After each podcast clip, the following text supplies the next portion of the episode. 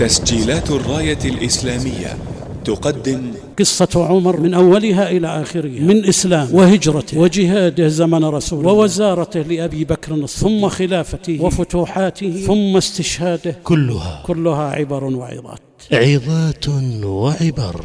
من وفاة عمر. قال ابن عباس دخلت على عمر حين طعن فقلت أبشر بالجنة يا أمير المؤمنين. أبشر. أبشر. أسلمت حين كفر الناس. وجاهدت مع رسول الله صلى الله عليه وسلم حين خذله الناس. وقبض رسول الله صلى الله عليه وسلم وهو عنك راض ولم يختلف في خلافتك اثنان. وقتلت شهيدا. فقال عمر أعد علي. فأعدت عليه فقال والله الذي لا إله إلا هو. لو أن لي ما في الأرض من صفراء وبيضاء لافتديت به من هول المطلع. يعني هول يوم القيامة. والوقوف بين يدي رب العالمين. عمر الفاروق. اسمعوا شهادة علي. اسمعوا. وقارنوا هذا بموقف الرافضة. الذين يزعمون أنهم يوالون عليا ويكفرون. ويشتمون. ويلعنون الفاروق عمر بن الخطاب. عليهم من الله ما يستحق. يستحقون فإذا علي فترحم على عمر وقال ما خلفت أحدا أحب إلي أن ألقى الله بمثل عمله منك.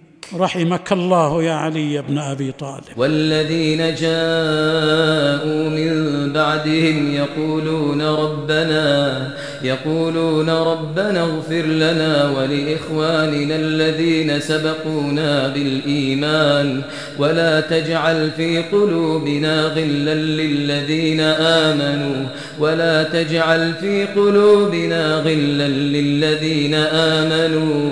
ربنا إلا إنك رؤوف رحيم. فما وجدوا أحدا يعلم ذلك حتى قال لهم عروة لا والله ما هي قدم النبي صلى الله عليه وسلم؟ ما هي إلا قدم عمر رضي الله عنه. لم تتغير قدم عمر. لم تتغير. لم تتغير. بعد مضي ما يقارب الخمسين عاما لأنه مات شهيدا. مات شهيدا في سبيل الله. لماذا عمر؟ إنه الحقد المجوسي على عمر لأنه فتح العراق والمدائن. وفتح الأحواز. وفتح أصفهان. وفتح بلاد فارس. فكان لهم حقد على هذا الفاتح العظيم. عمر. وكان من ثمرات هذا الحقد هذه الفعلة الكبرى. التي قام بها هذا المجوسي الحاقد. عظات وعبر من وفاة عمر. مقتل عمر يحدد تاريخا. يجب على أمة الإسلام في هذه الأيام أن تلتفت